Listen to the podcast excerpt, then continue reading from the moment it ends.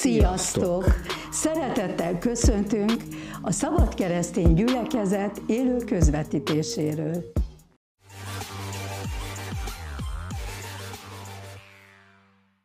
Nagy, megkülönböztetett, meg mindenféle szeretettel köszöntök mindenkit. Annyira jó látni titeket, hogy itt vagytok. Most a, miközben úrvacsoráztunk, hátra mentem, és úgy gyönyörködtem abban, hogy mennyi ilyen sokan eljöttek az Istennek a házába, hogy itt vagytok, és hogy mekkora nagy dolog ez. Nagyon boldog volt a szívem, mert ahogy úrvacsoráztatok, ugye az úrvacsora arról szól, hogy megemlékezünk arról, hogy az, az Istennek a fia eljött, és a saját életét adta azért, hogy nekünk életünk legyen. Ez azt jelenti, hogy, hogy ő a saját életét adta, hogy mennyire értékesek vagyunk, és hogy igazából a Földön lévő legnagyobb értékek vesznek körül engem. Ez nagyon fontos üzenet, hogy nem tudom, hogy mi az a dolog, ami számodra nagyon-nagyon értékes.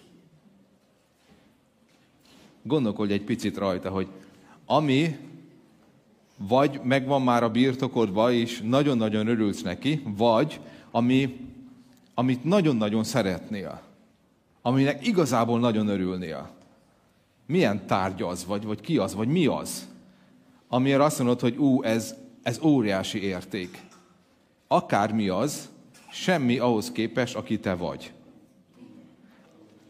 Nagyon érdekes egyébként, mert sokszor nagyon-nagyon értékelni tudunk valamit, ami egyébként egy tárgy, ami el fog múlni, akiért az Isten soha nem halt volna meg. Tudjátok, uh,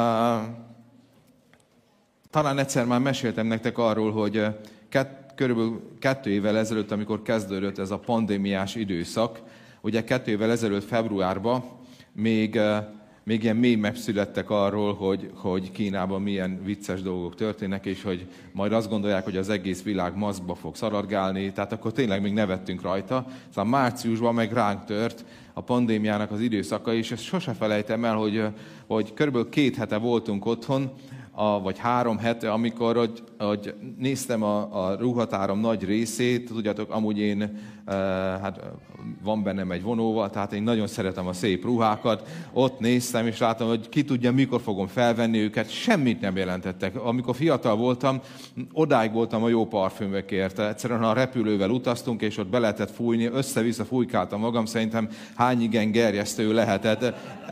Ez tényleg régen volt, most nem tudom, most már ez úgy elmúlt, de, de emlékszem, hogy ott néztem a parfümöket, és mondom, kit érdekel ez? Hát úgy most azért fújjuk be magunkat, hogy itthon vagyunk, és hogy minden, ami olyan érték volt korábban, teljesen elveszítette a jelentőségét. És annyira ledöbbentem, hogy dolgok mennyire fontosak az életben, amik egyébként egyáltalán nem fontosak, igaz? Tehát megtörténhet az, hogy egyik hétről a másikra valami véget ér, valami megváltozik, bezárják a világot, és ami addig olyan fontos volt, semmi. Emlékszem, amikor még az autómat is alattam, nem volt autóm, és vettem egy használt biciklit, és olyan boldog voltam, sétáltam a városba, ugye nem, nem tudtam sehol menni, és az se számított igazából, de hogy minden megváltozott. És hogy sokszor annyira értékesnek tartunk valamit, és oda tudjuk valamiért áldozni magunkat. Lehet az egy új autó, egy új ház, lehet az egy, egy, egy hely, ahova nagyon szeretnél eljutni. Nagyon sok minden van, és ez nem baj. Jól van, élvezd, legyen meg a legjobbat mindenből, csak egyet ne felejtsd el, hogy az igazi érték az te magad vagy, aki számít, meg az, akivel együtt élsz, akit ismersz. Aki most körülötted van, annyira fontos, hogy az Isten meghalt érte. És most lehet, hogy ez egy üzenet lesz valaki számára, aki úgy ül itt, hogy annyi mindent elrontottam az életembe. Hogy úgy érzem, hogy egy csőtömeg vagyok, szerencsétlenség vagyok. Nem. Te az a valaki vagy, akiért az Isten meghalt, hogy a végén győztes legyél. Ne felejtsd el a Júdás levelének a legutolsó részét olvasd el, hogy annyira szeret Isten, hogy megkegyelmez neked, hogy a végén nem fogsz megszégyenülni, hanem győztes leszel az Istennek a hatalma képes arra, hogy megtartson téged, szó szerint erről szól az ige. Az Isten hatalma képes tesz téged arra, hogy megtartson. Az igazi érték, az te vagy, mert drága árat fizettek érted. Meg az, aki melletted van. Hát ezt csak úgy elmondtam, mert megragadott engem. Nagyon tetszett a mai napon. Egy nagyon fontos üzenetről szeretnék beszélni, amelyet szeret, amely szeretném, hogy amely meghatározza az egész életemet és a mi életünket, a gyülekezetünknek az életét, és ez egy olyan téma, amely azt gondolom, hogy a mai világban nagyon sarkalatos pont, és elég nehéz jól megvalósítani, és ez pedig az imádságnak a témája. Az üzenetünknek a címe az ima hatalma, és rögtön vetőcsük is ki az első igét, azt hiszem az 1 Tesszalonika 5, igen, 16-18, amely azt mondja, mindig örüljetek, szüntelen imádkozzatok. Minden körülmények között adjatok hálát Istennek, mert ez az Isten akarata a Krisztus Jézusban. Tehát az Isten akarata, hogy mindig örüljünk, szüntelen imádkozzunk, az is lehetett volna az üzenet cím, hogy szüntelen imádkozzatok, és minden körülmények között adjunk hálát az Istennek. Szeretnék kérdezni valamit. Ki az, csak úgy őszintén, aki tud közülünk parancsszóra örülni? Hogyan lehetséges ez? Elvégéppen a Biblia tényleg ezt írja, nem? Ha megnézed az eredeti görög fordítás, hogy szó szerint mi szerepel itt, az a legpontosabb fordítás, hogy mindig örüljetek. Tehát magyarul semmi különbség nincs a fordítások között. Nem akarok erről beszélni, ez csak úgy, mert nem ez a téma. Most az imádságról lesz szó, de ez egy nagyon érdekes dolog, és szerintem lehetséges, megvalósítható. Ha akarjátok, akkor egyszer majd szeretnék el, vagy szívesen beszélek erről, az idén már nem, vagy esetleg jövőre, vagy amikor lesz időnk, vagy két év múlva. De a másik, amit mond, hogy mindig, mindenért hálát adjatok minden körülmények között, más fajtás szerint mindenért, mert ez az Isten akarat. Az Isten akarata, hogy mindenért tudjál hálás lenni.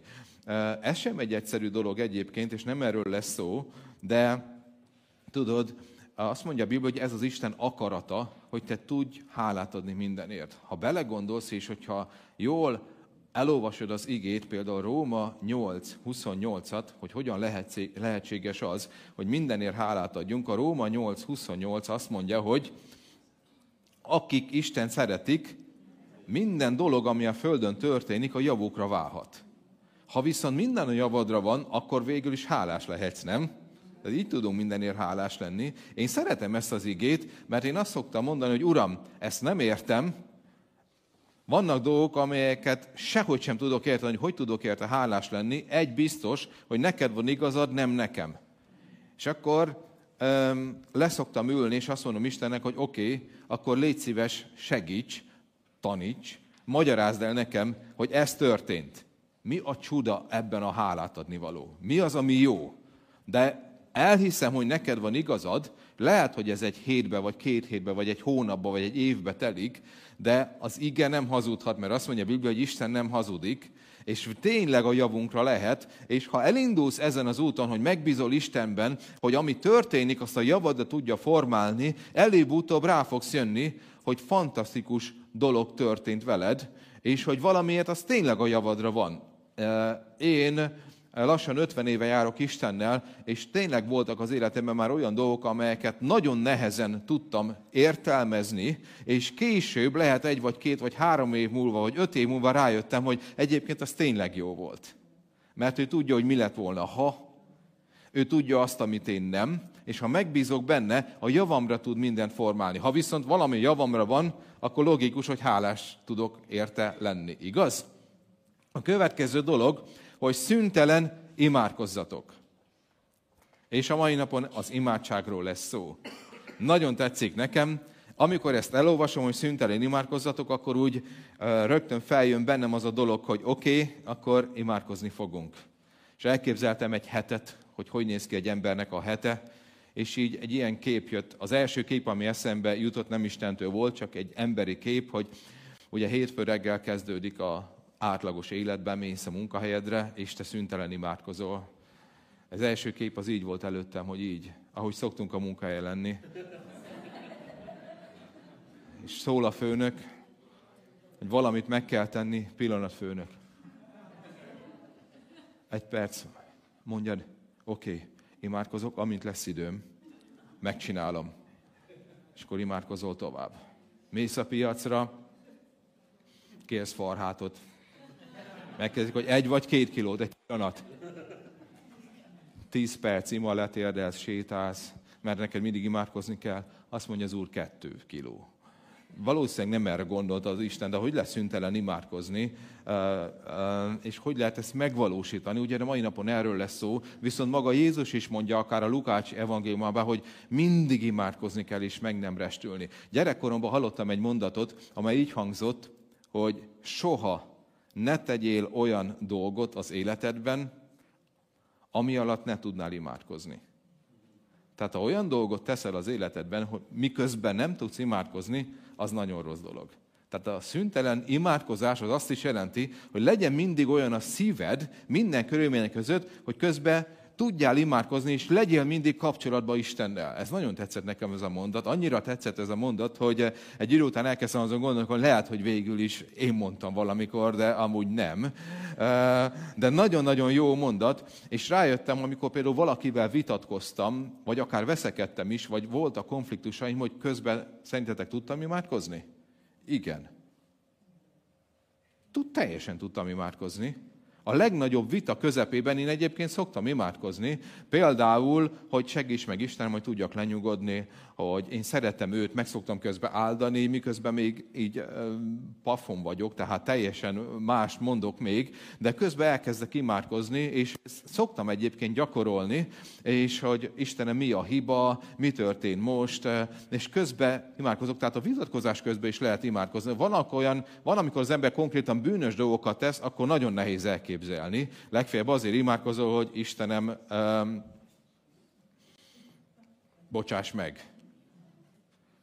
Vagy emlékszem, hogy fiatal koromban elég sokat imádkoztam bizonyos pohár elfogyasztása után, az az ima mindig ugyanaz volt, ez mindig ígérettel záródott, ez az utolsó, kérlek, bocsássunk, nem tudom, hogy történhetett, teljes véletlen, nem én voltam hibás. Tehát ezek is imádkozások voltak, de ez egy borzasztó rossz ima volt, és nagyon kértem Istent, hogy segítsen meg, de a kérdés az, hogy akkor hogyan lehet imádkozni, és miért olyan nehéz? Tudjátok, a egyre nehezebb imádkozni, és én nagyon sokszor ki voltam azon akadva, amikor, amikor láttam a mai generációban felnőtt embereket, hogy egyszerűen körülbelül egy vagy két percet tudnak konkrétan imádkozni, és amikor ilyen fia, ifi csoportban voltam, megdöbbentő volt, amikor azt mondtuk, hogy imádkozunk egy fél órát, hogy nagyjából öt, két percet tartott. Kettő perc után 95% nyomogatta a telefonját.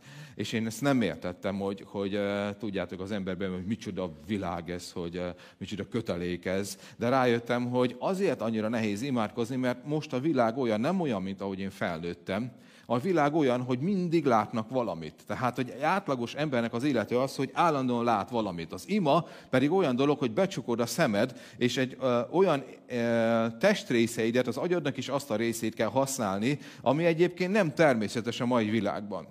Ezt el szoktam mondani, de most is elmondom, hogy emlékeztek az idősebbek, hogy mi úgy nőttünk föl, hogy amikor lefeküdtünk, anyukánk mesélt nekünk, igaz? Vagy apukánk mesélnek, vagy, olvastuk, vagy olvastunk nagyon sokat. Én is rengeteget olvastam a tinédzser koromban, nagyon sokszor elolvastam még a Vinettut is, meg a szokásos indián regényeket, de az volt a normális, hogy olvastunk és elképzeltünk, vagy, a, vagy hallgattuk a mesét és elképzeltük. És amikor imádkozni kellett, akkor az ugyanaz a tevékenység volt, hogy becsuktuk a szemünket, és tudtuk, hogy ott van Isten, tehát egy olyan, olyan ter- természetes tevékenységet végeztünk, amit egyébként is ma viszont nincs ilyen, mindent látunk, minden ott van előttünk, és az, hogy te becsukod a szemed, és képzeld el, hogy beszélsz valakivel, akit egyébként nem látsz, és képzelje a dolgokat, ami nincs a szemed előtt, az egy teljesen életidegen. Tehát nem olyan egyszerű. Ráadásul olyan módon felpörgött az élet, hogy, hogy nagyon nehéz egyébként odafigyelni valamire, amit nem látsz, miközben cikáznak a gondolataid. Mert elképesztően sok információt kapunk. Tehát Imádkozni nem egyszerű. Mégis azt gondolom, hogy nagyon-nagyon fontos dolog, és én megdöbbentem, hogy amikor valaki nek hallottam a bizonyságát, aki mondjuk elragadott a mennybe, vagy meghalt és a mennybe járt. A közös volt a bizonyság tételükben, amikor Jézussal találkoztak, az, hogy azt mondta Jézus, hogy imádkozzatok, imádkozzatok. Az ima által meg tudtok menteni embereket. Az ima által változást tudsz hozni az országodba. Az ima által változást tudsz hozni a családodba. És tudjátok, amikor én hallgattam gyerekkoromban nagy szolgálókat, akikre felnéztem, és Isten hatalma volt rajta, egyszer csak elkezdtem gondolkodni, hogy hogy amikor ők bizonyságot tettek a prédikáció előtt, egy közös pont volt az összes bizonyság tételben, ez pedig az a pont volt, hogy az én anyukám imádkozott értem. Az én anyukám imádkozott értem, amikor nagyon mély, mélyen voltam, az én anyukám imádkozott értem, amikor teljesen a világban voltam, és elkezdtem azon gondolkodni, hogy Istenem, egy anya imája, micsoda erővel bír. Az összes így kezdte. És azt mondta, hogy amikor a legjobban kritizáltam őt, és utáltam őt, és azt is utáltam, hogy imádkozik, mert, ér, mert éreztem, hogy nem tudok szabad lenni, mert az az ima valahogy mindig visszamonzott Istenhez, és amikor a leginkább lázadoztam Isten ellen, de lehet, hogy az apukája volt például, aki imádkozott, vagy a család együtt, akkor is akkor erővel bírt, hogy tudtam, hogy egy nap ott fogok kikötni. És mekkora hatalom van az imában ima által nemzetek tudnak megváltozni. És ezért én hirdetem folyamatosan, hogy imádkozzunk. Az imádkozás elképesztő erőket mozdít, mozdít meg. Mi egyébként az ima?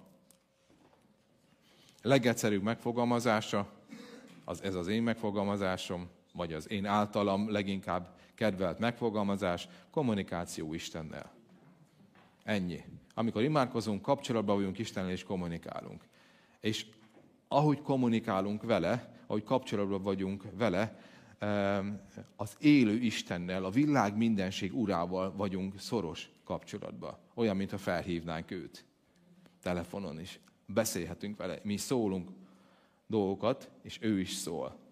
Nézzünk meg egy érdekes történetet a Bibliából, a Lukás 8-ból. Nézzétek figyelmesen jól ismert történet ez, és azt mondja a Biblia, hogy ezután megérkeztek Gadara vidékére, azaz Jézus meg a tanítványai, akiről most szó van, amely Galileával szemben van a Genezáreti tó túlsó partján. Amikor Jézus a partra lépett, a város felől szembe jött vele egy férfi, akiben gonosz szellemek laktak. Ez az ember már régóta ruha nélkül járt, és nem házban lakott, hanem barlangokban tanyázott. Mivel a gonosz szellemek gyakran eluralkodtak rajta, a férfi kezét, lábát sokszor leláncolták, és megbilincselték, hogy megfékezzék. De hiába próbálták már fogva tartani, mindig letépte magáról a láncokat, és a gonosz szellemek kiűzték őt a pusztába. Amikor a férfi meglátta Jézust, felüvöltött, a lába elé vetette magát, és így kiabált. Mit között hozzám Jézus, magasságos Isten fia? Kérlek, ne kínozz engem. Jézus ugyanis megparancsolta a gonosz szellemnek, hogy menjen ki az emberből. Ekkor Jézus megkérdezte a gonosz szellemtől, mi a neved? Az pedig így felelt, légió. Mert sok gonosz szellem lakott abban az emberben. A közelben, a hegyoldalon nagy disznó konda legelészett. A gonosz szellemek kérlelték Jézust, hogy ne küldje őket a feneketlen mélységbe, hanem engedje meg nekik, hogy a disznókba menjenek. Jézus megengedte nekik, így a gonosz szellemek kijöttek az emberből, és belementem a, belementek a disznókba. Azok pedig a meredek hegyoldalból a tóba rohantak, és mind belefulladtak. Ha megnézitek, ez egy olyan történet, hogy volt egy gonosztól megszállott ember egy vidéken, mindenki ismerte őt, és a tipikus jeleit, tüneteit produkálta a megszállottságnak, teljesen őrült volt, nem akart ruhát felvenni, és tudjátok, amikor démonizált embereknek ilyen természet fölötti erejük van, itt is arról volt szó, hogy megbirincselték, leláncolták, de széttépte. Ha valaki volt már szabadító szolgálatban, én már igen, azt tapasztalja, hogy egy egyszerű kis, mondjuk egy tinédzser lányba, vagy egy, egy egyszerű kis önmagában gyenge és esetlen emberbe akkora erő van, hogy nem tudjuk öten lefogni. És ezt nem tudod, hogy honnan. Ez nyilvánvalóan nem az ő ereje. És itt is ez történt, hogy ott volt egy gonosz szellem által megszállt ember, és amikor meglátta Jézust, már elé futott. És ami nagyon érdekes, ha nézzétek meg, hogy rengeteg gonosz szellem lakott benne, ez nem tudom pontosan, hogy hogy néz ki, és ez hogy megvalósítható, de ez egy szellemi dolog, vagy hát hogy tudom, csak hogy nehéz elképzelni. De azt, azt látjuk, hogy ez az ember messziről észrevette Jézust, ami azt jelenti, hogy nem ő vette észre, igaz? Hanem az a szellem, aki benne lakott, és amikor szólt a, a, a, ez, az, ez a férfi, nem ő szólt rajta keresztül, mert nem ő beszélt vele, hanem a rajta keresztül a démon. Ami nagyon döbbenetes dolog, ugyanis a démonok emberekben akarnak lakni, úgy érzik jól magukat, és használni, használta a szemét, használta a száját, használta a kezeit. Szeretném nektek elmondani, hogy a világ egyébként nem változott meg. Mai napig is így van, hogy a démonok próbálják gyötörni az embereket, mert ők így érzik jól magukat, ő benned, benned akar élni minden ilyen tisztátalan szellem, és használni akarja a szemedet, használni akarja a a, a, a szádat, és rajtad keresztül meg akar nyilvánulni. Nagyon érdekes, amikor például a, a például egy, egy médiumhoz mennek emberek, és, és képesek a démonok megszólalni a nagymamájának a hangján. Ugye ez a megtévesztés, vagy egy rég élő embernek a hangján. Sok mindent tudnak egyébként, de az a lényeg, hogy, hogy használni akarnak téged. Jézus pedig azért jött, hogy megszabadítson téged. Amen. Szeretném elmondani, hogy eh, igazából mi emberek vagyunk, és eh, a szellemvilág az megfoghatatlan, láthatatlan számunkra, nem nagyon tudunk vele mit kezdeni, és hogy eh, ha nem, nem élünk Jézus Krisztusban, teljesen ki vagyunk szolgáltatva. Vagy tudatosan, vagy nem, de nem tudsz e felett úrá lenni. Ha meg vagy kötözve, nem tudsz sosem megszabadulni, semmilyen jó cselekedetet nem tudsz tenni, semmi nem vezet megoldáshoz. Egy személy viszont meg tud téged szabadítani az pedig a názereti Jézus Krisztus. Nagyon érdekes ez, de most nem ez a téma, ezt csak szeretném elmondani, nem erről fogunk beszélni, viszont az fontos leszögezni, hogy teljes, tökéletes szabadságot tud lenni, mert a Biblia azt mondja, hogy akit a fiú megszabadít, az valósággal igazán szabad lesz, mint ez az ember. De a döbbenetes, ami viszont tény, ami megragadott engem ebből a történetből, és ami az imádsághoz köthető, hogy a démon, a démonoknak a vezetője, ugye, aki a szószorúja volt, a fő démon, aki megszólalt az emberen keresztül, az oda ment Jézushoz, és megszólította őt. És azt mondja, mi közöm nekem te hozzád Jézus, magasságos, ez azt jelenti, hogy a legfelsőbb Istennek a fia. Még pontosan tudták, hogy kicsoda Jézus. És mi a megdöbbentő dolog, hogy ez a démon leborult a Jézus Krisztus lába elé, elismert az ő tekintélyét, és kért. Ami az döbbenetes, hogy a démonok gyűlölik Jézust, tudták, hogy Jézus elítéli majd őket,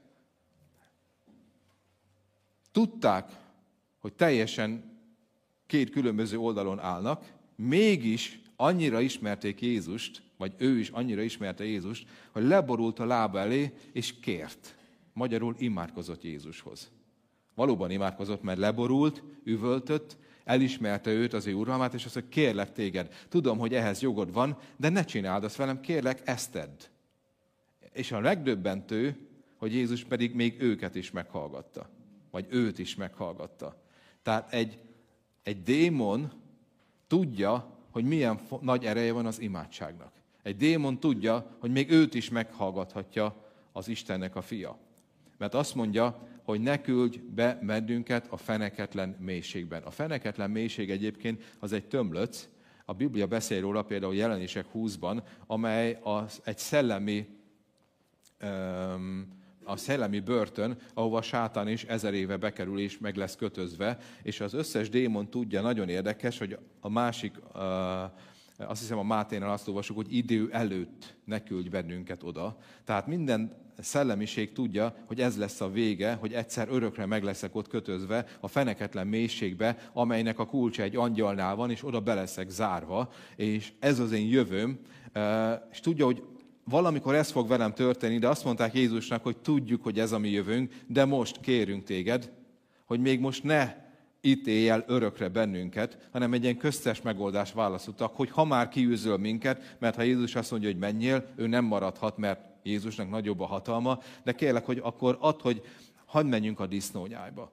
És Jézus ma meghallgatta őket. A feneketlen mélység egyébként az egy szellemi börtön, amely a sátánnak és a démonoknak készítetett. És Jézus pedig megadta nekik. Nagyon érdekes egyébként, amin én elgondolkodtam már többször, hogy azt mondja messziről ez az ember, hogy én ismerlek téged, Jézus. Te vagy a nagy Istennek, a felső Istennek a fia. És leborult előtte. Emlékeztek, amikor a Abcselben az Kéva fiai, akiknek nagyon megtetszett az, hogy micsoda nagy dolog a démonőzés, hogy így szóval lehet parancsolni szellemeknek, elkezdtek belekontálkodni a szellemi dolgokba, és jól megverte őket a démon, és akkor azt mondta nekik, hogy Jézust ismerem, párról is tudok, de ti kik vagytok? Nektek nincs hatalmatok. Egy, egy, egy, egy szellem ránéz egy emberre, egy hamis szellem, pontosan tudja, hogy van-e hatalma, vagy nem. Sokkal jobban tudja, mint te vagy én. Csak hogy én elgondolkodtam rajta, ez egy jó kérdés, hogy, hogy amit Jézusnak tettem fel, hogy Jézus, vajon a pokolban mind gondolnak rólam? Jézus ismerem, párról is tudok, de ki ez a Zsozsó? Hát mondom, ennek nem örülnék, mert azt mondja a Biblia, hogy ad nekünk hatalmat, hogy kígyókon és skorpiókon taposunk. És akkor azt mondtam az Úrnak, hogy Uram, én nem akarok így élni, ha már egyszer van lehetőségem arra, hogy emberek szabaduljanak rajtam keresztül, vagy gyógyuljanak. Én nem akarok úgy élni, hogy Jézus ismerem, Páról is tudok, Benedek Jancsit is ismerjük, eh, eh, Viktort is, eh, őtőle is félünk, de Zsozsó, te ki vagy? És mondom, Uram, én azt akarom, én olyan életet szeretnék élni, hogy ha nevemet megemlítik, akkor azt mondják, hogy ó, ó, vigyázzatok, mert ő egy veszélyes ember. Viszont ha mennyben megemlítik a nevemet, akkor meg örüljenek, hogy ő az én fiam. Ő megteszi azt, amire, amivel megbíztam. Mindannyiunknak ez a lehetőség adatik. De a kérdés az, hogy vajon rólam hogy vélekednek a szellemvilágban? Oké, okay, tehát a lényeg az, hogy még a démonok is tudták azt, hogy ha Jézus elé mennek és leborulnak, akkor az imának erejében is meghallgatja őket. Tehát Isten meghallgatja. Természetesen ennek volt oka, ők nagyon jól tudták, hogy mi lesz az ő végük, de egy dolgot szeretnék, hogy ne felejtsétek el, hogy bármilyen nehézségben vagytok, menjetek Jézushoz azzal a hittel, hogy ő, ha egy démont is meghallgatott és, és nem küldte egyből a feneketlen mélységbe, mennyivel inkább ne hallgatná meg az ő saját fiát és lányát maga az Isten. Bízzatok az Istenben. Következő ige. Máté 6, hegyi beszéd. Amikor lejött Jézus a földre, elkezdte a tanítói hivatalát, nagyon font, sok fontos dolgot elmondott. Az egyik az imádkozás.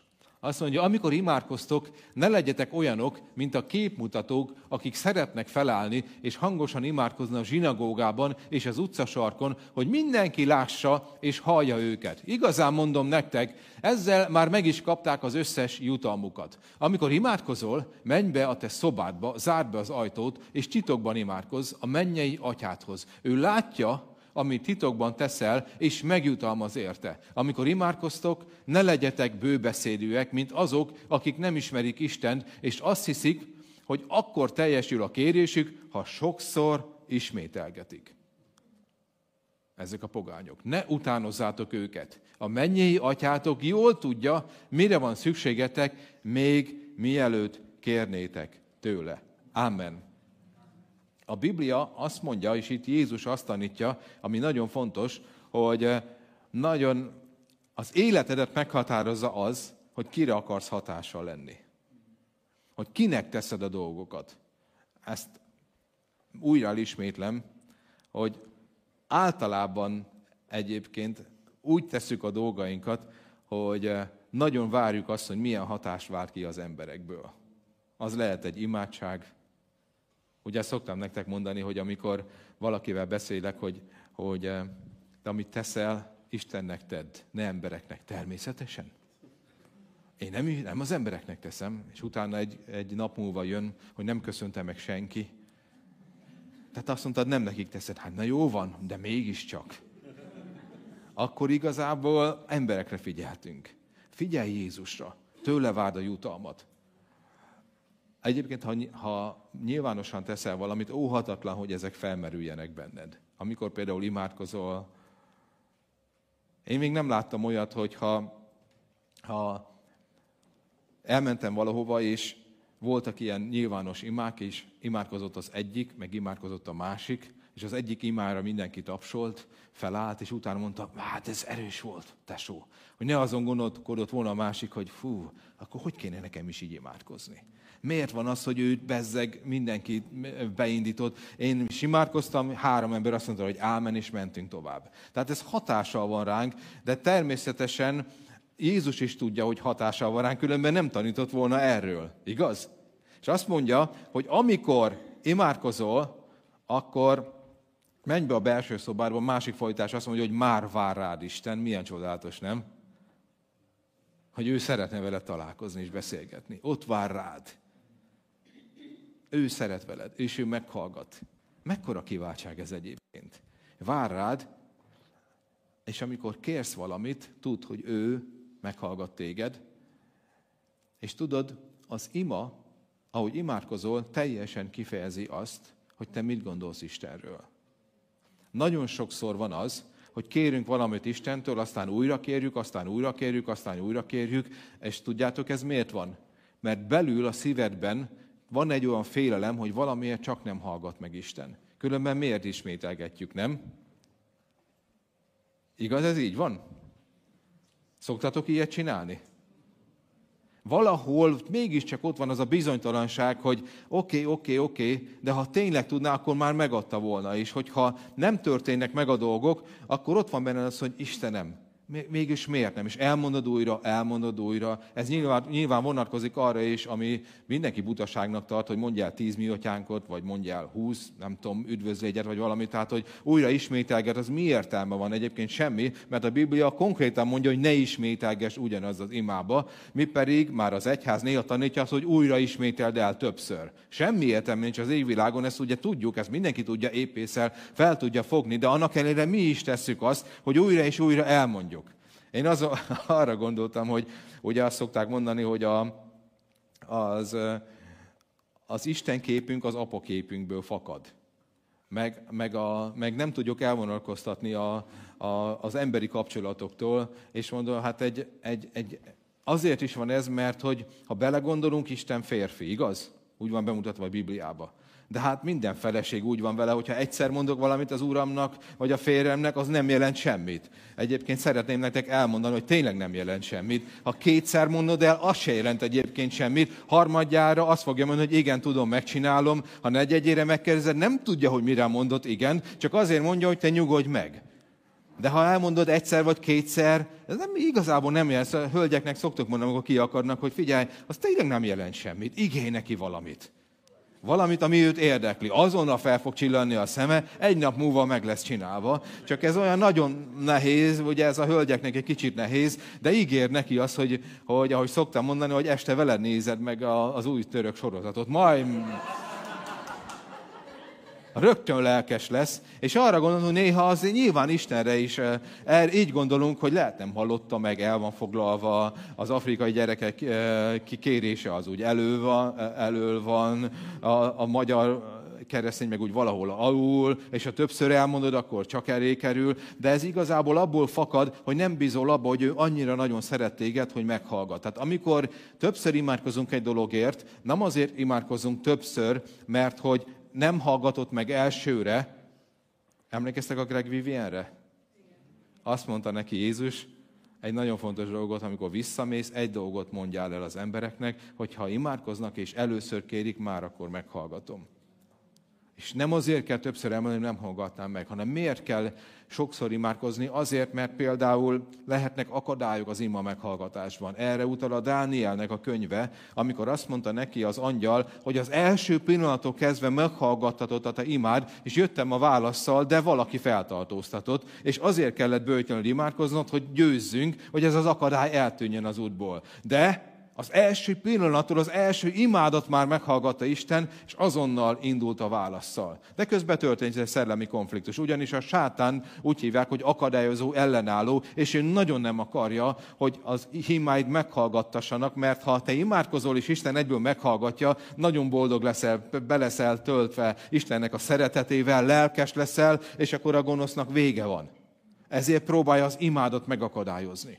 És amikor imádkozunk egyébként, azért fontos, hogy néha, hogy, hogy merüljünk el az imába, nem tudom ti, hogy vagytok vele, de szerintem ezt mindannyian alá tudjátok írni, hogy elkezdünk imádkozni, és az első tíz percben cikáznak a gondolataid, és egyszerűen fogalmat sincs, hogy mit imádkoztál. Így vagytok?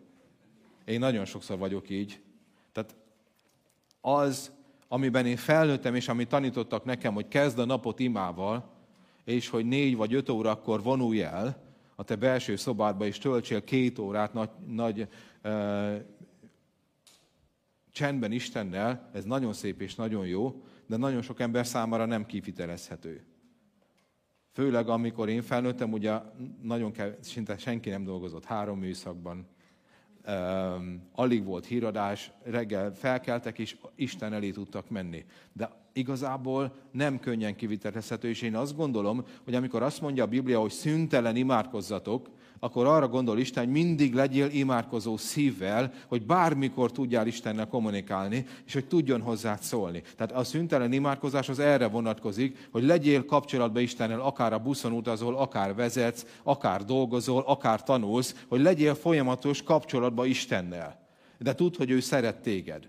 De Emellett nagyon fontos az, hogy ne hanyagoljuk el azt, hogy bizonyos időközönként valóban legyen olyan kapcsolatunk Istennel, amikor csak ő és csak én, azaz minőségi időt töltünk egymással, és hogyha elkezdesz imádkozni, ne csodálkozz rajta, hogy az első 5-10 percnek igazából nem sok e, értelme volt, mert egyszerűen az agyat cikázik. Tehát van egy idő, amikor le kell, hogy csillapodjál, amikor tényleg Istenre tudsz figyelni. Én nagyon sok imát abba hagytam, mert annyira sok minden járt az agyamba, gondolkodtam, és nem tudom, hogy megfigyeltétek-e, hogy vannak dolgok, amelyeket meg kell aznap tenned, és tudod, hogy meg fogod tenni, de mint mondjuk férfi, nem ugrasz egyből neki, de elkezzel imádkozni, azonnal jön az érzés, hogy na, gyorsan is felállsz, és csinálod. Volt már ilyen? Ú, ezt át kell utalni, ú, ezt mindenképpen. És érdekes módon, hogy amíg nem imádkoztam, nem volt annyira fontos. De amikor az ember elkezd Istenre figyelni, azonnal jön. Ezt meg kell csinálni. Egyszer hallottam egy sátánista megtérését, aki azt mondta, hogy ők éjjel-nappal imádkoznak azért, hogy amikor egy keresztény elkezd imádkozni, szólaljon meg a telefonja. És meg is szokott szólalni. És azt mondta, hogy a, a gonoszok kényszerítették, a démonok kényszerítették őt, de egy ideig élvezte, mert hatalma volt, mert látta, hogy mennyire működik, hogy tényleg megszólal a telefon, valakinek a fülébe suktak, és mindent elkövet azért, hogy megakadályozza azt, hogy a keresztények imádkoznak. Amikor én ezt a bizonyságtevést meghallgattam, ahogy ő megtért, arra gondoltam, hogy akkor tényleg ennyire nagy ereje van az imának. Tehát a pokolba ennyire félnek attól, hogy mi elkezdjünk intenzíven imádkozni. És én sok imát abba hagytam, mert azért, mert, mert elkezdtem valamivel foglalkozni, az agyam kattogott, és azt mondja, Istenem, oké, okay, akkor menjünk és csináljuk.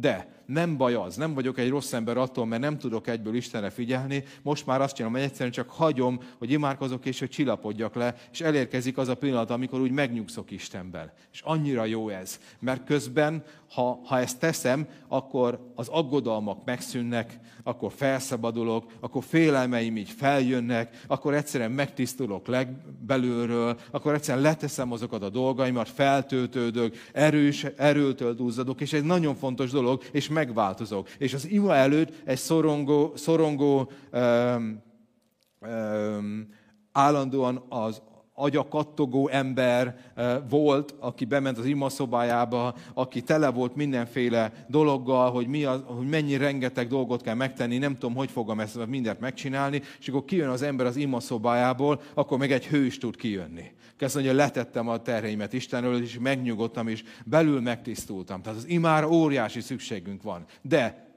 nem, ne úgy imádkozz, a pogányok egyébként úgy imádkoztak, volt egy olyan szokás a pogányoknál, hogy az Isten igazából nem akar téged meghallgatni, volt egy ilyen tanításuk, és nagyon sokszor kell elmondani az imát, mert ha sokszor elmondod ugyanazt az imát, ezt tanították a pogány népek, akkor annyira ideges lesz Isten tőle, hogy inkább megadja neked, csak hogy nem mondd el még egyszer. És tudjátok, hogy ez mennyire fontos? Egyetlen egy vallás sincs, amely azt tanítja, hogy az Isten szeret téged. Mindegyik vallás a Földön azt tanítja, hogy van egy Isten, akit ki kell engesztelni, akinek a kedvébe kell járni, aki egyébként szeszélyes, aki rengeteg törvényt ad neked, hogy hogyan tudsz megfelelni neki, de van egyetlen egy Isten, aki szeret téged, aki szeret téged, és ez egy felfoghatatlan dolog. Ha beszélsz egy, egy például egy, egy muszlim emberrel, őket ezt szokta egyébként ledöbbenteni, és azért élnek millió számra át keresztény hitre, mert ők nekik elképzelhetetlen az, hogy Allah szeret téged az Isten szeret téged. Minden vallásnak elképzelhetetlen, hogy ő szeret téged, és ha nem szeret az Isten, akkor az azt jelenti, hogy áldozatokkal rá kell venni arra, hogy csinálja meg azt, amit te szeretnél. És ezért mondta Jézus, hogy ne, ne úgy imádkozunk, mint a pogányok, mert egy óriási különbség van a mi Istenünk és minden más Isten között, hogy ő szeret és odafigyel téged, és azt mondja, jól tudja, mire van szükséged, mielőtt elkezdeni. De nagyon nehéz ezt megérteni, hogy ő tényleg szeret engem, azért, aki vagyok. De ha ezt megérted, akkor szeretni fogsz imádkozni. Akkor más módon ülsz hozzá, és egyszerűen megnyugszol. Van olyan ember az életetekben, akivel szerettek beszélgetni, mert egy olyan ember, hogy leülsz vele, és adsz neki 30 percet, teljesen mindegy, hogy milyen állapotban vagy, vagy miről beszélgetek, a 30 perc után uh, úgy távozol el arról a helyről, hogy, hogy úgy érzed, hogy ú, de jó. Teljesen más az egész világ körülöttem. Van ilyen? Szeretitek az ilyen embereket? Én megfigyeltem, az én életemben az én mentorom volt az, akivel ha beszélgettem, úgy mentem hozzá, hogy tanástalan voltam, úgy mentem hozzá, hogy nem volt semmi kedvem végezni a munkámat, mert úgy éreztem, hogy nem fog sikerülni, és egyszerűen beszél, és alig mondott valamit. Keve, főleg én beszéltem, keveset reagált, csak rájöttem, hogy annyira jó volt vele beszélni, mert erőtől dúzattam, lelkes lettem, és azt mondtam, hogy ú, de jó, többször is akarom ezt. De ő senki Istenhez képest. És ezt meg tudom tenni a világ mindenség urával. Találkozok vele, és egy fél óra meg tud engem változtatni. Fantasztikus, fantasztikus dolog, ahogy tudunk imádkozni. Nézzük meg a következő igét. Károli fordítás, ahogy mi tanultuk, azt mondja, hogy ne vigy minket a kísértésbe, de szabadíts meg minket a gonosztól. Ne engedd, hogy kísértésekkel próbára tegyenek bennünket. Ez egy nagyon érdekes ige, ezt éveken keresztül nem értettem. Ugyanis Jakab leveje azt mondja, hogy Isten senkit nem kísért. Akkor miért kell imádkozni azt, hogy ne vigy minket a kísértésbe? Megnéztem egy csomó fordítást időközben, próbáltam megérteni ezt az igét, de hát ez mégiscsak az úri imádkozásban, úri imába van, nem? Ez olyan fontos ige. És ahogy így ezen gondolkodtam, ez az ige azt jelenti pontosan, hogy ne vigy bennünket olyan helyzetekbe, amelyek kísértéseket, próbákat jelentenek számunkra, hanem amennyire csak lehet, őriz meg bennünket ettől a helyzetektől. És szabadíts meg minket a gonosztól. Érthető ez? És ahogy elkezdtem ezen gondolkodni, rájöttem, hogy ahogy imádkozunk, az ima által Isten, mivel szeret bennünket, azt kérjük tőle, hogy őrizze meg bennünket egy csomó olyan helyzettől, ami nekünk nehéz egy-egy napon, és ő tudja, hogy mi a mi gyengénk, és megtehetjük azt, hogy a körülmények megváltoznak. Mert nem visz bennünket olyan helyzetbe, amelyben kísérthetőek vagyunk, ahogy próbára tesz bennünket. Tudod, mekkora hatalma, hatalom van a te imádba. Miért mondta Jézus, hogy így imádkozzunk? Uram, őrizd meg bennünket attól a helyzetektől. Az általános keresztény tanítás az, hogy Isten szeret téged próbákba vinni, hogy eh, megvizsgáljon téged, kísértésekbe, hogy vajon elég erős vagy-e. De hát a Biblia meg azt mondja, hogy imádkozz, hogy ne vigy bennünket. Hogy az, ez azt jelenti, hogy ima által el tudsz kerülni egy csomó nehéz helyzetet az életben. Az ima által el tudsz kerülni egy csomó nehéz, necces helyzetet az életben. És Isten megkímél. Lehet, hogy valakivel nem találkozol. Lehet, hogy valami nem történik meg veled. Lehet, hogy egy bizonyos helyzetből teljesen, a, el, teljesen kivesz Isten. És ez csak azon múlott, hogy imádkoztál és kérted őt. Hatalmas erő van az imában. Ne felejtsétek el imádkozni holnap reggel, hogy Uram, kérlek téged, ezen a héten őrizd meg. Tudod, hogy vannak olyan helyzetek, amikor vannak olyan helyzetek, amiket nem szeretsz. Hogy amikor én kiakadok, amikor én kísérthető vagyok, kérlek őrizd meg, hogy lehet, hogy húsz ilyen eset történt volna meg velem, de imádkoztam, és lehet, hogy csak öt. Az öttel sokkal könnyebb elbírni, mint a húszszal, igaz? Eredel közgazdász végzettségem van, abból fakad ez a gondolat egyébként, hogy öt nehéz helyzettel könnyebb megbírkozni, mint húszszal. Ha nem nézetek utána. Következő ige.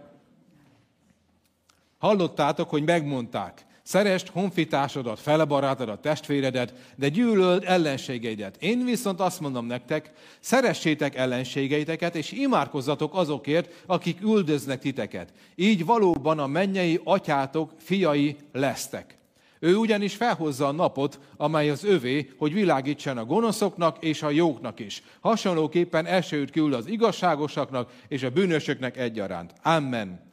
A kegyelem időszakába élünk. Nagyon érdekes, amit Jézus Krisztus mond a mennyi atyáról, hogy a rossz emberekre, a jókra is felhozza az ő napját, és szeret mindenkit. Meg fogja ítélni ezt a világot, ez teljesen egyértelmű, de most nem azt az időszakot éljük. Ezt azért mondom, mert a keresztények szeretik azt gondolni, és biztos hallottatok ilyen tanításokat, hogy valamelyik országban mondjuk kitört a vulkán, vagy földrengés volt, vagy egy tombola, a, a, egy, egy hurikán, az Isten büntetése rajtuk.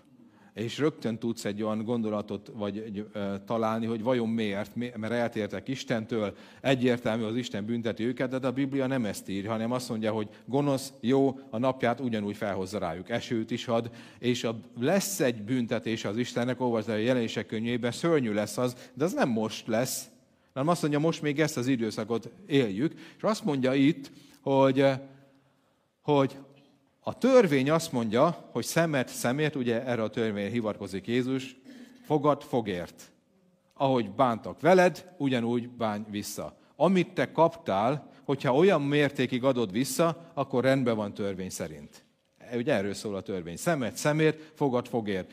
Ha te többet adsz vissza, több sértés, mint amit kaptál, az helytelen, de ha csak azt kapod vissza, amit megérdemelt, mert jogos, ez így törvényileg rendben van. Jézus viszont azt mondja, hogy oké, okay, ez volt a törvény, én viszont azt mondom nektek, szeressétek ellenségeitek, és imádkozzatok azért, akik üldöznek titeket. A következő pont, hogy imádkozz azért, aki árt neked. Sokan mondták nekem, hogy oké, okay, megpróbáltam, imádkoztam érte, és mégse változott meg.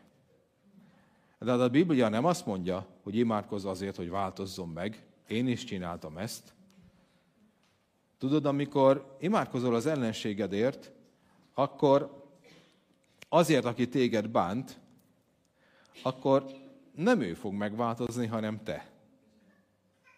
Azt nem tudod elérni, hogy ő így megváltozzon, mert ha ezt el tudnád érni, minden keresztény imádkozna folyamatosan. Gondold már el, hogy azt mondod egy megtért keresztény férfinek, hogy imádkozol az anyósodért, és így megváltozik. Azonnal térdre esik. Imádkozol a férjedért, imádkozol a tinédzser gyerekedért, és megváltozik. Hát ki nem imádkozna? Imádkozol a főnöködért. Ha ez így működne, akkor te reggel bemész, téldresel egy órával a munkakezdés előtt a, a te irodádba, a belső szobába magadba zárod, te egy nagyot imádkozol, nyolckor kezdődik a munkaidő, 8-20-kor hivatnak az irodába, és akkor a főnököd azzal fogad, hogy 30%-os fizetés emelést gondoltam neked, és szeretnék, szeretnék bocsánatot kérni a, attól, hogy emlékszel, három héttel ezelőtt olyan durván szóltam. Nem volt igazam. Hát minden ember imádkozna, ha ez így működne, de ez nem így működik, hanem azt mondja, hogy szeresd ellenségedet, és imádkozz érte. Amikor imádkozol valakiért, akkor valami itt belül megváltozik. És ez egy döbbenetes dolog. Te megváltozol. Te fel leszel szabadulva. És ez az a leg, legtöbb, amit tehetsz. És ha imádkozol és áldást kívánsz rá, tudod, mit mond a Biblia? Így leszel a mennyei atyának a fia. Mit jelent ez az ige? Mit jelent ez az ige? Ha imádkozol az ellenségedért, így leszel a mennyi atyának a fia. Ezek szerint ő is ezt teszi? Azt mondja, hogy a jókat is megáldja egyébként, meg a gonoszokat is. Tehát gondolj bele, hogy amikor valaki utál téged, és állandóan keresztbe tesz neked, azt az Isten ugyanúgy szereti, mint téged. Amikor valakivel vitatkozunk, és valaki ellene áll, nekünk ellene áll, ne, ellenünk áll, hajlamosak vagyunk azt gondolni, hogy Isten a mi oldalunkon van. Igaz? Szoktál ilyet gondolni? Hogy ne szoktál volna? De én is mennyi sokszor gondoltam. Mert, hogy neked igazad van, és imádkozol azért, hogy az Isten hozza fel a te igazságodat, hogy ő megszégyenüljön. De amikor így imádkozunk, és így ilyen indulattal vagyunk, azt mondja, ez, ez nem Isten. Ő nem halt meg jobban érted, mint érte. Ő nem akar a te oldaladra állni, hanem amikor imádkozol érte és szereted, akkor az Istennek az indulatát kezded megér, megérteni, azt fogod megérteni, hogy ő, akármennyire az az ember ellenséged, az Isten szereti őt. Ugyanúgy, mint ahogy téged, és elkezded őt szeretni, és megérted, hogy Isten őt most ebben a helyzetben is ő nagyon szereti. És amikor ezt megérted, és elkezded így élni, és utána te követsz el egy nagy bűnt, amivel úgy gondolod, kiakasztottad Istent, akkor rájössz arra, mivel már tudod, hogy Isten szereti azt is, aki most éppen rosszat tesz, és rájössz arra, hogy most téged szeret Isten, és meg akar bocsájtani. Érted már? hogy a te kapcsolatodat Istennel ez gyökeresen meg fogja változtatni, mert megismered Isten, hogy ő nem akar bosszút állni, ő nem akar mellédelni, ő nem vesz részt a pitiáner vitáinkba, és megáldod őt, és a te szíved felszabadul valaki felé, és találkozol vele, és a szemébe tudsz nézni. Tudod, amikor én fiatal voltam, nagyon sok mindenki mögött, aki, aki engem bántott, és meghallottam, hogy bántanak, akkor nagyon sok rosszat mondtam a háta mögött. És utána az mind kiderült. És rengeteg bajom származott ebből. És utána változtattam ezen, és elkezdtem imádkozni, és elkezdtem megáldani, és tudjátok, mekkora különbség volt? Hogy amikor nagyon sokat beszéltem róla a háta mögött, és indulattal voltam, akkor nem akartam vele találkozni. Egy csomó ember volt, akivel nem akartam találkozni. Amikor találkoztunk, feljöttek bennem ezek a rossz dolgok. És utána, amikor elkezdtem érte imádkozni, és megáldottam őt, ugyanaz a konfliktus ott volt, de ezt nagyon szívesen találkoztam vele, hisz azért az emberé, azért azzal az emberrel, akit folyamatosan imádkoztam és megáldottam, nagyon szívesen szívesen találkozok, nem? Hisz az jött fel bennem, hogy ő az az ember, aki annyit imádkoztam. Ő az az ember, akit megáldottam. Nagyon szívesen találkozok vele. De amíg le voltam terhelődve, nem akartam vele, velük találkozni. És tudjátok, azok az emberek, akik mindig keresztbe, tettem ne, keresztbe tettek nekem, azok az emberek voltak a legnagyobb áldással az életemre. Mert én közben megváltoztam. És most már hálás tudok lenni. Nem azt mondom, hogy azt várom, hogy Uram, küldj még egy ilyen embert, őriz meg engem a kísértéstől, de ahogy én a szívem megváltozott, rájöttem, hogy az Isten őt most ugyanúgy szereti, mint engem. És amikor én hűlök meg, és uh, budaságokat mondok, kegyelmes lesz hozzám az Isten, mert én is kegyelmes voltam. Imádkozz, értük. Milyen csodálatos így élni. És így egy egész gyülekezet, egy egész kultúra meg tud változni. Következő ige, ez az utolsó igénk, Szeretett testvéreim, ti viszont imádkozzatok a Szent Szelem által, így épüljetek fel, és erősítsétek meg magatokat abban a hitben, amely a legszentebb dolog a világon. E, a Szent Szellem által való imáról beszél, és most azokhoz szeretnék szólni, akik megtértetek, újjászületetek, és betöltött titeket a Szent Szellem. Az egyik legjobb dolog az életben, ha a Szent Szellem által nyelveken imádkoztok. Mert azt mondja a Biblia, hogy az élő víz folyamai ömlenek fel annak a belsejékből. Szellemben beszél titkos dolgokat. Amikor nyelveken imádkozol, szeretném elmondani, hogy soha nem beszélhetsz butaságot, mindig tökéletesen és jól imádkozunk. Nem tudom, meséltem -e nektek az Ausztrál pásztornak a bizonságtételét, aki azt mondta, hogy nem értem, hogy, hogy gügyögünk furcsa nyelven, hogy mi ebbe az akkora különleges. És ő nem imádkozott nyelvekkel, mert nem értette. És azt mondta Istennek, hogy Uram, hát elmondom neked, amit én akarok, de ilyen furcsa nyelven, tehát szerintem ezt már elmondtam nektek, de megerősítésként nagyon jó lesz. És azt mondja, nem értem. És amikor így beszélgetett Istennel, hirtelen látott egy látomást és látott egy démont, aki ült egy jegyzetfüzettel, és várta, hogy ő imádkozzon. És amikor imádkozott, akkor egy-egy témában mindig készített rá egy tervet, hogy hogyan fogja ezt az imát megakadályozni. És akármit imádkozott, gyógyulásért, oké, okay, nem fog gyógyulni, ellene megyünk, a családjáért nem fog megtérni, és akármit imádkozott, rögtön felírta, és készítettek rá a pokolban egy tervet. És akkor utána látta magát, ahogy átváltott nyelveken való imában, és eh, ahogy imádkozott, ez egy titkos nyelv volt, és azt látta, hogy a démon rendkívül mérges lesz, szétépte a papírt és elszaladt. És azt mondta neki a Szent Szellem, hogy nem tudott vele mit kezdeni, fogalma sincs, hogy miről volt szó, nem tud rá felkészülni. Na hát ez az ember azóta éjjel-nappal imádkozik nyelveken, mert abban hisz, hogy valami titkos dolgot mond Istennek, és az 1 e- Korintus 14 azt mondja, hogy szellemben mondunk kimondhatatlan dolgokat. Én nagyon szeretek egyébként nyelveken imádkozni, mert azt mondja, hogy élő víznek a folyamai ömlenek fel, és felépíted magadat. Erős leszel. Észrevettétek már, hogy sokat imádkozik nyelveken, erőteljes, dinamikus lesz.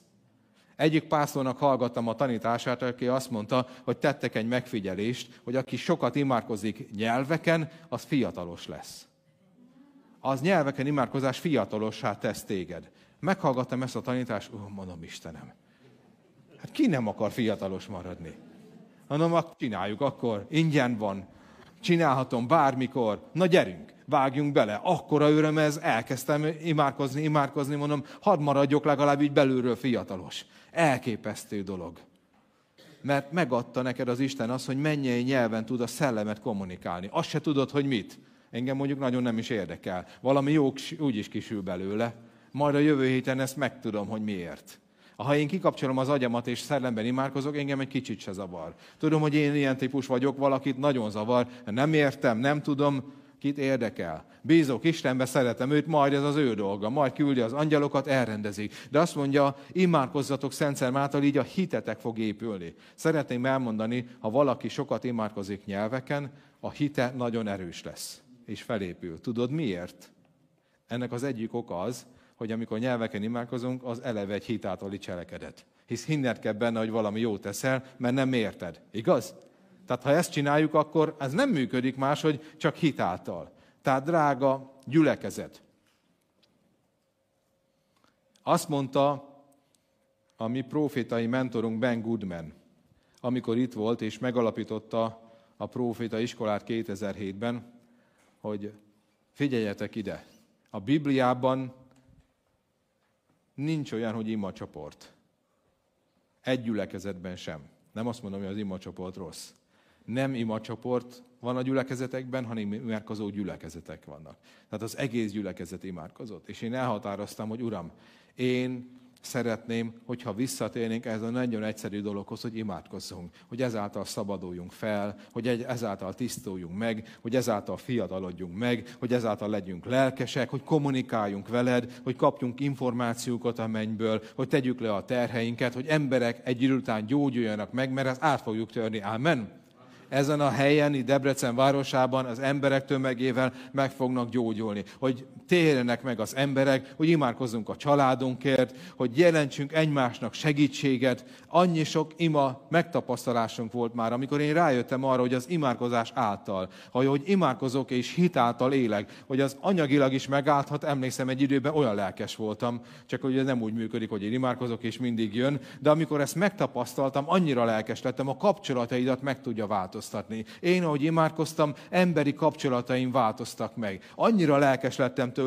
hogy hogy egyszerűen arra nevelt engem, hogy ne csak arra nézzek, ami a szemem előtt van, hanem tekintsek arra, ami nincs a szemem előtt. Mert tudod, ezen a földön, amit látsz, az mind látható. De a Biblia azt mondja, hogy a látható az ideig való. A láthatatlan pedig örökké való. És úgy folytatja az Istennek az igéje, hogy minden, ami látható, a láthatatlanból állott elő. Tehát ami látható áldás az életedben, az minden áldás az úgy történik meg, hogy először láthatatlan, elhiszed, imádkozol érte, és egy idő után látható lesz.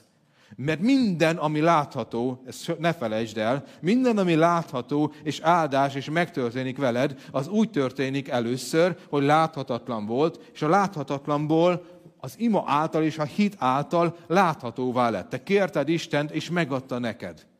Minden a láthatatlanból áll elő. És így előállnak fantasztikus dolgok. Egyetlen egy célom volt a mai üzenettel, hogy bátorítsalak titeket arra, hogy imádkozzatok. Tudom, hogy nem egyszerű. Tudom, hogy bonyolult dolog. Tudom, hogy minden ellene szól. Tudom, hogy ez egy új szokás. Szokást jelenthet. Tudom, hogy emiatt át kell alakítanunk néha a naptárunkat. Tudom, hogy új dolgot kell megtanulnunk, de imádkozz, szüntelen. Legyél imádságos szívvel, és Isten meg fog téged hallgatni. Tudom, hogy nagyon mindannyiunknak sok csalódása van az ima területén. Mert imádkoztál, és nem úgy alakult, ahogy te bíztál benne. Mert az ördög mindent elkövet, hogy úgy gondold, hogy nem működött, és ad fel. De a Biblia nem véletlenül mondja, hogy kezd el. Imádkozz magadért, imádkozz a családodért, imádkozz a gyógyulásodért, imádkozz az áldásért, imádkozz Istenhez, mondj el minden neki, imádkozz Szent Szelem által, legyél tele erővel és tűzzel, és adj hálát mindenért, mert az Isten hatalmas dolgokat tesz az egyszerű ima által. Gyertek, álljunk fel. És imádkozzunk.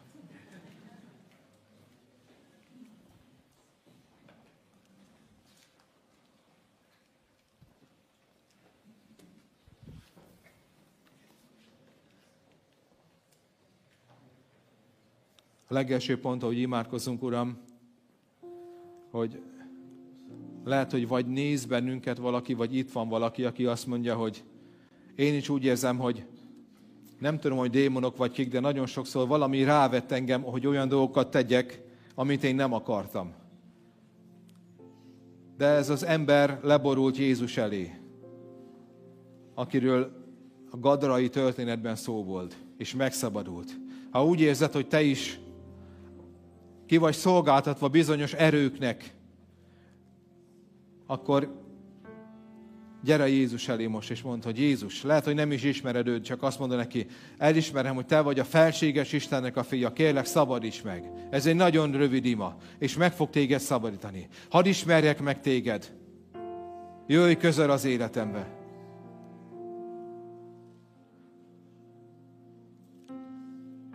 Gyülekezet, imádkozom, hogy bármilyen leuralásban van részetek, bárkinek, az Isten hatalmát tapasztaljátok meg, és legyetek szabadok, és egy hit költözön most a szívetekbe. Ha most egyből nem tapasztalod meg a változást, hidd, hogy Jézus Krisztus megteszi. Az atya meghallgatja a lányait és a fiait. Legyél szabad. Gyere Jézushoz, ő neve azt jelenti a Jézus név, hogy szabadító. Ő van felkenve az Istentől erővel és hatalommal, hogy megszabadítson téged. És szabad leszel. Ne add fel. Valakinek ez egy nagyon fontos üzenet. Ne add fel, amíg teljesen szabad nem leszel. Ez mindannyiunkra vonatkozik. Mindannyiunknak vannak olyan területei az életünkben, amiben még nem éltünk át szabadságot. Tudod, nekem sokszor azt súgdosta az ördög, hogy jól van ez így, más is így van. Nem. Én azt mondtam, hogy akarok olyan szabadságban élni, amiben csak lehet. És az Isten fia azt mondta, hogy valósággal szabad leszek, akkor én akarok szabad lenni. És ha egy hónapba telik, két hónapba telik, az egy dolog, de legyél győztes. Uram, imádkozunk azokért mindannyian, akiket eddig nem tudtunk jó szívvel megáldani. Akiket eddig csak kritikával illettünk. Te imádkozz azért, ha van ilyen az életedben, akiért most olyan nehéz imádkozni. Aki annyiszor keresztbe tett neked. Akitől annyi sok bántást kaptál. Akit úgy érzed, hogy ő, ha ő nem lenne, olyan sokkal könnyebb lenne az életed. Ha neve eszedbe jut, vagy egy kép róla, akkor a szívedbe olyan keserűség jön fel. Kezd el áldani. Kezd el áldani. Én nem mondom, hogy holnaptól kezdve ő megváltozik. Egy dolgot mondok, te meg fogsz változni. Fel fogsz szabadulni, és boldog ember leszel. Akár kivesz körül, és így az ördög nem tud becsapni téged, és hatása lenni rád. És Uram, ha egy démon is leborult előtted, és imádott téged, és kért, a te néped kérni akar. Kérünk téged, Uram, hogy végre hozzá azt az időszakot, amikor a betegek meggyógyulnak. Amikor imádkozunk, emberekért is megszabadulnak és megtérnek. Hogy amikor imádkozunk ajándékokért, akkor a Szent Szellem ajándékai ránk szállnak. Hogy amikor imádkozunk, változás történik. Hogy úgy imádkozunk, mint a tanítványok, az apostolok, hogy megmozdul a hely, és remeg minden. Jézus nevében. Azért imádkozom, hogy amikor a pokolban megemlítik a debreceni szabker nevet, akkor rettegjenek a hamis erősségek. Hogyha azok, ha elkezdenek imádkozni, akkor végünk. Uram, mi azt akarjuk, hogy az legyen a hírünk a szellemvilágban, hogy Jézust ismerjük. Párról is tudtunk, de ezek az emberek, akik itt vannak, 2022-ben ugyanúgy tudnak imádkozni, és ugyanúgy veszélyesek. És az Isten fiai és lányai. Mert ők áldják az ellenségeiket. Imádkoznak azokért, akik átkozzák őket. És szeretik azokat, akik nem szeretik őket. És az Isten szelleme áradjon rátok gazdagon. Menjetek, és töltődjetek fel az ima. Legyen fiatalos energia bennetek, az első szeretet és szenvedélynek a tüze. És tapasztaljátok meg, hogy az Úr meghallgatja az imáitokat mert mielőtt kérnétek tőle, valóban igaz az ige, hogy az Atya pontosan tudja, hogy neked mire van szükséged. És szeretném elmondani, hogy meg fogja adni. Gyertek, imádjuk őt. Szó volt arról, hogy imádunk Istent. Az imádságnak az egyik fajtája az imádat maga, amikor felemeljük őt. Hagy legyen ez egy igazi imádat Jézus Krisztusnak egyedül neki. Halleluja. Halleluja. Imádunk téged, Jézus.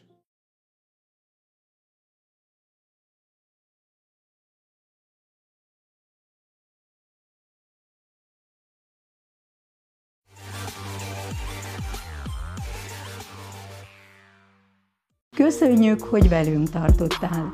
Amennyiben tetszett az üzenet, kérlek, oszd meg barátaiddal, ismerőseiddel. Ha szeretnél betekintést nyerni alkalmainkra, nézd meg bennünket Youtube-on, Facebookon, Instagramon. Kívánok neked békés, szép hetet, Isten áldásával, szeretettel, szervusztok!